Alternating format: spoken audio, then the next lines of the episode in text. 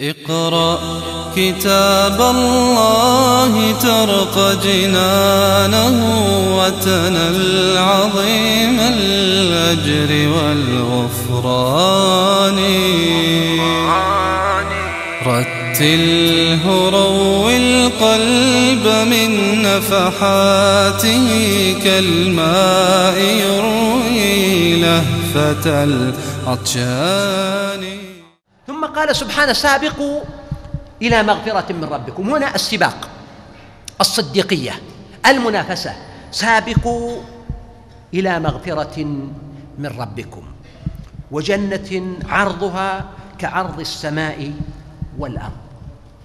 هنا ليس المقصود أن عرض الجنة يعني نقيض الطول لأن الأشياء فيها طول وفيها عرض. هذا ليس هو المقصود وإنما المقصود بعرضها سعتها. سعة الجنة وإلا فإنها يعني لا معنى لتخصيص العرض من الطول. فلما يقول عرضها السماوات والأرض أو عرضها كعرض السماء والأرض المقصود سعتها وهذا معروف عند العرب كما قال قائلهم قال ودون يد الحجاج من أن تنالني بساط بأيدي الغاسلات عريض. يعني صحراء عريضة جدا لا يستطيع الحجاج أن يصل إلي فيها. ولذلك أيضا لما يقول عرضها كعرض هذا تشبيه الكاف للتشبيه أي أنها شديدة السعة. ولذلك لا يقال كما يقول بعضهم إذا كان الجنة في السماء والأرض فأين النار؟ هنا المر الأمر هو على سبيل التشبيه أن الجنة في سعتها في اتساعها كسعة السماء والأرض وهذا تقريب للناس فيما يعقلون وفيما يرون. أعدت إذا الجنة معدة.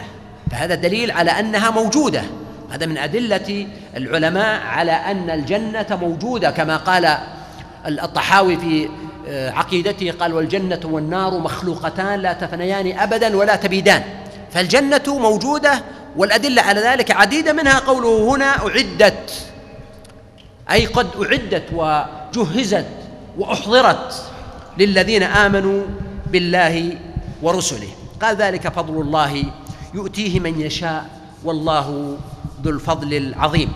ثم قال سبحانه ما أصاب من مصيبة في الأرض ولا في أنفسكم إلا في كتاب.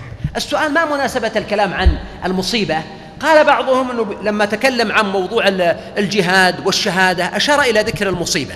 والأقرب عندي أنه لما ذكر الحياة الدنيا وما فيها والأموال والأولاد عرف أن الحياة الدنيا مبناها على الخطر وأنها لا تسلم من عوارض أبدا. فلا أحد بمنجاة من أن يعرض له مرض أو نكسة في ماله أو تأخر في برنامج أو مشروع. وما من أحد من الناس قط إلا وحاول شيئا في هذه الدنيا ثم لم يحصل عليه أو حرم من أمر كان يتمناه. أيا كان ذلك الشيء. فالحياة لا تخلو من مصائب وقد تكون المصائب في النفس. ولهذا قال ما أصاب من مصيبة في الأرض ولا في أنفسكم. قد تكون المصيبة في النفس مرضا أو هما أو غما أو كآبة. بعض الناس قد لا يكون عنده مثلا إعاقة أو عجز ولكن في داخله براكين من الهم والغم والاكتئاب والأحزان التي تهاجمه في كل حين. ودائما ما يشعر بالفرح ولا بالسرور. وهذا طبعا يمكن أن يعالجه الإنسان. يعالجه بالقرآن يعالجه بأن يتكلف الابتسامة أن يخالط الناس السعداء أن يخالط الناس الذين عندهم أمل وعندهم تفاؤل. فإن هذا يعدي يقتبس من نورهم. المهم أن من الناس من يكون عنده مصيبة في نفسه أو في أهله أو ولده أو زوجه أو ماله. كل هذه مصائب. وقوله في الأرض إشارة إلى نوع آخر من المصائب وهي المصائب العامة. مثل الطوفان الفيضان الزلازل البراكين آه، حالات الفقر والجوع الأمراض المعدية التي تنتشر بين الناس وتشكل وباء ينتشر. فهذه النوع من المصائب العامة التي تقع للأمم وللدول وللجماعات واليوم تسمعها في باكستان وغدا تسمعها في إيران. وأمس تسمعها في البرازيل وقبل سنة تسمعها مثلا في تايلاند وإندونيسيا وقبل سنوات تجدها في أمريكا وهكذا لا يستثنى منها بلد إلا ويكون نزلت في نازلة أو أصابته مصيبة. فهذه المصائب العامة هنا قال إلا في كتاب مكتوبة عند الله. فالله تعالى قد علمها وأذن بها. وهذا من معاني الكتاب. من معاني الكتاب علم الله. فعلمه كتاب سبحانه. ومن معاني الكتاب إذن الله لأنه لا تقع مصيبة إلا بإذنه ولهذا قال ما أصاب من مصيبة إلا بإذن الله. ومن يؤمن بالله يهدي قلبه هو العبد تصيبه المصيبة فيعلم أنها من عند الله فيرضى بها ويسلم. ومع ذلك فهي مكتوبة في لوح محفوظ وهنا نص على المصيبة. سبحان الله كل شيء بقدر. لكن الله تعالى هنا تحدث عن المصيبة ليؤكد أن الاحتجاج في القدر في المصائب لا في المعائب كما ذكرنا. تحتج في المصائب التي لا يد للإنسان فيها والاحتجاج بالقدر هنا يعطيك قوة يعطيك إيمانا. أنه الإنسان ما قصر فعل الأسباب ثم وقعت مصيبة فبدلا من أن تذهب نفسه حسرات أو يكون دائما يوبخ نفسه يعاتب نفسه ممكن إنسان يقود السيارة ومعه أولاده. صار حادث وأحد الأولاد مات والثاني أصبح مشلولا. فتجد الأب دائما مهموم مقهور حزين أنا السبب. لا. هذا من عند الله.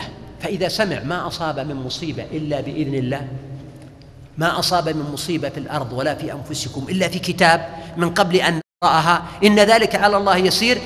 كان هذا مثل البرد على قلبه. وذهب ما يجد من الإحساس المفرط بالمسؤولية واتبع عن هذا الفعل. أيضا هنا فرق ما بين المصيبة الفردية والمصيبة الجماعية. المصائب العامة هي بما كسبت أيدي الناس. ظهر الفساد في البر والبحر بما كسبت أيدي الناس. ليس بلازم أن تكون مسؤولية فرد يبعثون على نياتهم. ولا نقول مسؤولية قبيلة بعينها أو أسرة بعينها أو بلد بعينه بحيث إذا نزل البلاء في بلد نأتي نقول أنتم يا أهل البلد أنتم فيكم وفيكم. هذا ليس جيدا أبدا لا شرعا ولا عقلا. إذا وقع مثلا في بلد ما أمطار وأصيب بها فقراء ومساكين وضعفاء. جينا نقول أنتم يا أهل البلد عندكم معاصي وعندكم فجور وعندكم هذا هذا توبيخ وأيضا هذا تحكم. المصيبة ما, ما يلزم أن تكون يعني عقوبة للأشخاص الذين نزلت بهم خاصة وإنما هي عقاب عام. فهي قد تكون عقاب لكل من كان له من الأمر شيء ولم يساهم في التصحيح في الإصلاح في حفظ مصالح الناس ودنياهم وأراضيهم وبيوتهم. وهكذا إذا نزل إذا جاء لأهل بلد نوع من الزلزال مثل ما وقع في العيص أو غيره نأتي لنقول أنتم يا أهل البلد؟ لا ما ينبغي هذا وإنما نقول هذا تنبيه للبشرية والله سبحانه وتعالى يقول وما نرسل بالآيات إلا تخويفا. وأيضا كون المصيبة فيها يعني هي بسبب ذنب لا يمنع أن يكون هناك أحيانا آيات ترسل للناس على سبيل الرحمة كما قال ابن مسعود أنتم تعدون الآيات عذابا ونحن نعدها رحمة. ونظر ابن مسعود رضي الله عنه إلى معنى أن فيها مدعاة للاعتبار بمعنى أن الله تعالى قد يعاقب أناسا ويترك من هم أشد منهم حتى يذرهم في طغيانهم يعمهون. سنملي وأملي لهم إن كيدي متين سنستدرجهم من حيث لا يعلمون. فيراعي الإنسان مجمل هذه المعاني قال ولا في أنفسكم إلا في كتاب من قبل أن نبرأها. ها ما هي؟ المصيبة صح أو؟ هي من قبل أن نبرأها صحيح معناها نخلقها قبل أن نبرأ وذلك الباري من أسماء سبحانه طيب من قبل أن نبرأها من قبل أن نخلقها ما هي؟ إما أن يكون الضمير يعود على المصيبة أو يكون يعود على النفس أو يعود على الأرض. ما أصاب من مصيبة في الأرض ولا في أنفسكم إلا في كتاب من قبل أن نبرأها. إن ذلك على الله يسير. يعني ضبط ذلك وحفظه. فإنما أمره إذا أراد شيئا أن يقول له كن فيكون لكي لا تأسوا على ما فاتكم من المصالح وحرمتم منها. ما تحزن عليها لأنه مكتوب. ولا تفرحوا بما آتاكم. هذا معنى عظيم. القرآن هنا يربينا على شيء اسمه الاتزان النفسي. لا تأسوا على ما فاتكم. هل يلومنا الله تعالى إذا حزنا؟ لا. إن القلب لا يحزن وإن العين لتدمع ولا نقول إلا ما يرضي ربنا. هكذا قال النبي صلى الله عليه وآله وسلم. لكن المقصود الأسى هنا الأسى ال- ال- الذي يقعد الإنسان يفرط حتى يقعد الإنسان وربما يكون سببا في مصيبة أخرى عندهم. فالقرآن هنا يشجعنا على أن ننهض وألا نستسلم للحزن أو لليأس. وهناك تقنيات وآداب وأخلاق من شأنها أن تربي الإنسان على التعامل مع الحزن. وعمرو بن عاص لما مدح الروم أثنى عليهم بأنهم أسرعهم إفاقة بعد مصيبة. أسرعهم إفاقة هذا مطلوب بعد مصيبة. يحزن الإنسان لكن إلى الأبد بتله لا. شجع الإنسان نفسه. يخرج مع الناس يجالسهم يخالطهم يبتسم حتى لو كان لا يعني يستحسن الابتسامة لكن يبتسم حتى يشجع نفسه على تجاوز هذه المرحلة. ولا نصنع لهذا المصيبة أو لهذا الحزن أو لهذا الفشل والإخفاق على ما فاتنا. هذا الفشل معناه الفشل عما نصنع له تمثالا ونجلس أمامه دائما نتذكره؟ لا. نتجاوز ذلك. فقد الأولاد مثلا. في نظام اسمه نظام الإعارة. مثل يتذكر الإنسان أنه وما المال والأهلون إلا ودائع ولا بد يوما أن ترد الودائع. في نظام اسمه الإعارة فما أعطاك الله تعالى في هذه الدنيا فهو عارية مسترجعة. هذا عارية أربعين سنة وهذا ثلاثين سنة وهذا عشر وهذا خمسون وهذا قليل وهذا كثير. فهذا يعطي. أيضا تذكر الإنسان الذي رحل. تتذكره. هذا يساعد على النسيان. نوع من الوفاء. تذكره بخير. تدعو له أو ولد صالح يدعو له. تذكره بفعل يعني تتصدق عنه أو تبني مسجدا أو مشروعا أو ما أشبه ذلك. تحفظه في قرابته في أصدقائه في جيرانه. تؤدي الشيء الذي لو كان حيا لسره أن يكون ذلك. فتقوم بأعمال إيجابية. بدلا من أن يقف الإنسان فقط أمام الحزن وكأنه سرمد لا يزول. قال ولا تفرحوا بما آتاكم. أيضا هنا ليس نهيا عن الفرح. فالفرح قل بفضل الله وبرحمته فبذلك فليفرحوا. والنبي صلى الله عليه وسلم كان يفرح بإسلام آه، آه، رجال ويفرح بقدوم الغائبين. قال ما أدري بأيهما أنا أسر بفتح خيبر أم بقدوم جعفر. ويفرح حتى أقول الإنسان عليه أن يفرح بالأشياء البسيطة. تفرح بأن يعني عندك طعام جميل ستأكله الليلة. وتفرح بكوب الشاي الذي تشربه وتفرح بكوب العصير أنه لذيذ وتفرح بأنك أنجزت حضور دورة لمدة ستة أيام وتفرح بأنه عندك فرصة تفرح بأنك كسبت صديق وأنا أفرح أيضا بأني كسبتكم مجموعة من الأصدقاء وأعتبر أن هذا اللقاء إن شاء الله هو عهد وعهد صداقة وحب بيننا وبينكم نسأل الله أن يجمعنا وإياكم في الدنيا على طاعته وفي الآخرة في جنته. المهم أن الإنسان يعود نفسه أن يظل ذلك الطفل الذي يفرح حتى بالأشياء البسيطة والأشياء الصغيرة. هذا مطلب. والسرور وقرة العين في الحياة من عاجل نعيمها. والله سبحانه وتعالى قال فلنحيينه حياة طيبة. الذين آمنوا وعملوا الصالحات. قال فلنحيينه حياة من عمل صالحا من ذكر أو أنثى وهو مؤمن. فلنحيينه حياة طيبة. من الحياة الطيبة السرور والرضا وقرة العين. لكن المنهي عنه ولا تفرحوا البطر والأشر. ولهذا قال إن والله لا يحب ما قال لا يحب كل فرح وإنما قال لا يحب كل مختال فخور. هذا هو المذموم. الفرح الذي يؤدي إلى أذى الناس العدوان عليهم الطغيان البطر الطرب المفرط تجاوز الحدود النسيان الظلم الأخلاق المذمومة. أما الفرح كشعور إنساني داخلي فهو محمود. فهذا مما ينبغي التفريق فيه. وأن ندرك أن هذه الآيات الكريمة وهذه القياسات وهذه المعاني لا تعني أن المؤمن عليه أن يعرض عن الحياة الدنيا لا.